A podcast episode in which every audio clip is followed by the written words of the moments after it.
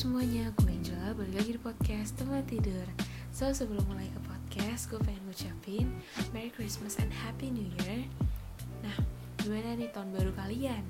Ada kabar baik di tahun baru ini? Apa malah kabar buruk?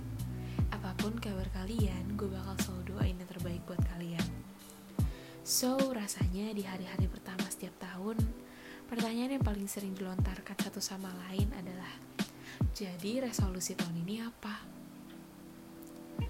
Kebanyakan orang menandai pergantian tahun sebagai sebuah awalan baru untuk mulai sesuatu.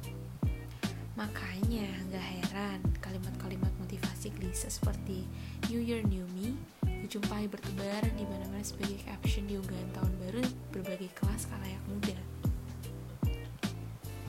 Tidak bisa dipungkiri juga, energi kemeriahan tahun baru memang begitu ajaib.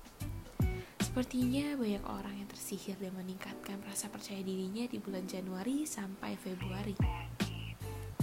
Mereka tampaknya begitu optimis akan hari-hari baik dan berbagai kesempatan baru yang ditawarkan.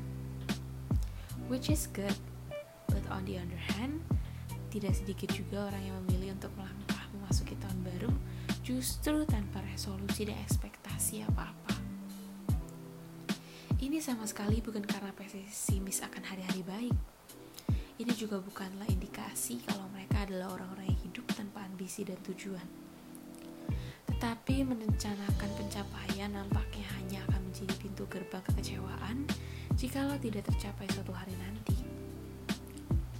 Makanya memilih untuk hidup tanpa ekspektasi apa-apa sepertinya akan lebih baik dan aman. Di samping itu juga resolusi tahunan hanya akan membuat segala sesuatu terasa lebih berat untuk dijalani. Apalagi saat sudah mendekati akhir tahun dan belum ada yang tercapai. Hadirnya daftar resolusi itu terasa seperti beban yang harus diwujudkan. Mungkin karena beban hidup sudah cukup banyak, maka orang yang melangkah tanpa resolusi menolak untuk menambahkannya lagi dalam wujud lain. Selain itu, list harapan untuk waktu akan datang sering kali membuat orang banyak lupa untuk bersyukur. Kebanyakan terlalu sibuk mengejar apa yang belum tercapai hingga akhirnya lupa untuk mensyukuri segala sesuatu yang sudah diraih. Lalu, persoalan berubah untuk menjadi pribadi yang lebih baik, bukannya kita bisa berubah kapan saja ya? Kenapa harus menunggu tahun baru dulu baru mau berubah? Sebagai penutup, percayalah, tidak ada yang salah dan benar di sini. Beberapa orang memang butuh hadirnya resolusi sebagai pacuan hidup dan itu sah-sah aja. Adanya toh kali ini hanya sebagai perwakilan saja untuk mereka yang berada di kubu sebaliknya.